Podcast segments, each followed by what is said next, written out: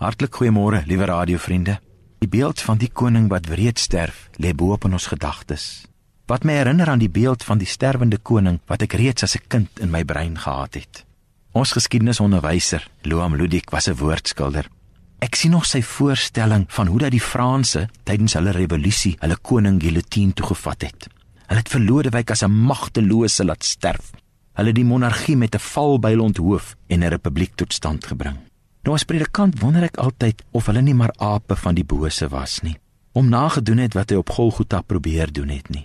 Want vriende, toe Jesus skynbaar magteloos moes aanstrompel Golgotha, was die volk ook daar en die soldate.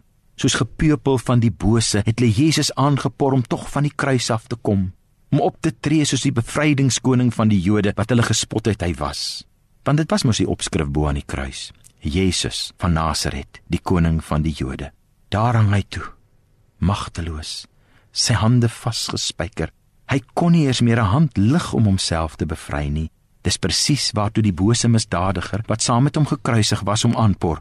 As jy die Christus is, red jouself van ons ook. Want sien vriende, hulle het net die magtelose daar sien hang.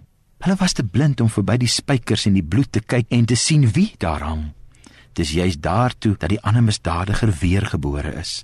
In sy sterwensuur, terwyl sy oë al breek, gaan sy geestesoë oop en hy sien dat dit tog die koning is wat langs hom hang.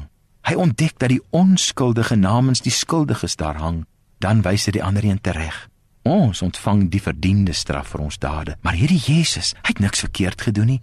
Dan pleit hy by die koning. Dink aan my as u in die koninkryk kom. Dis dan dat die skynbaar magtelose koning meer as 'n hand lig. Hy bevry hom nie homself nie, maar hy maak terstond die deur van sy koninkryk waawyd oop sodat hierdie een skuldige kan ingaan. Hy's nie magteloos nie. Selfs aan die kruis is hy die almagtige. Daar hang hy en hy sê: Ek sweer, amen, amen.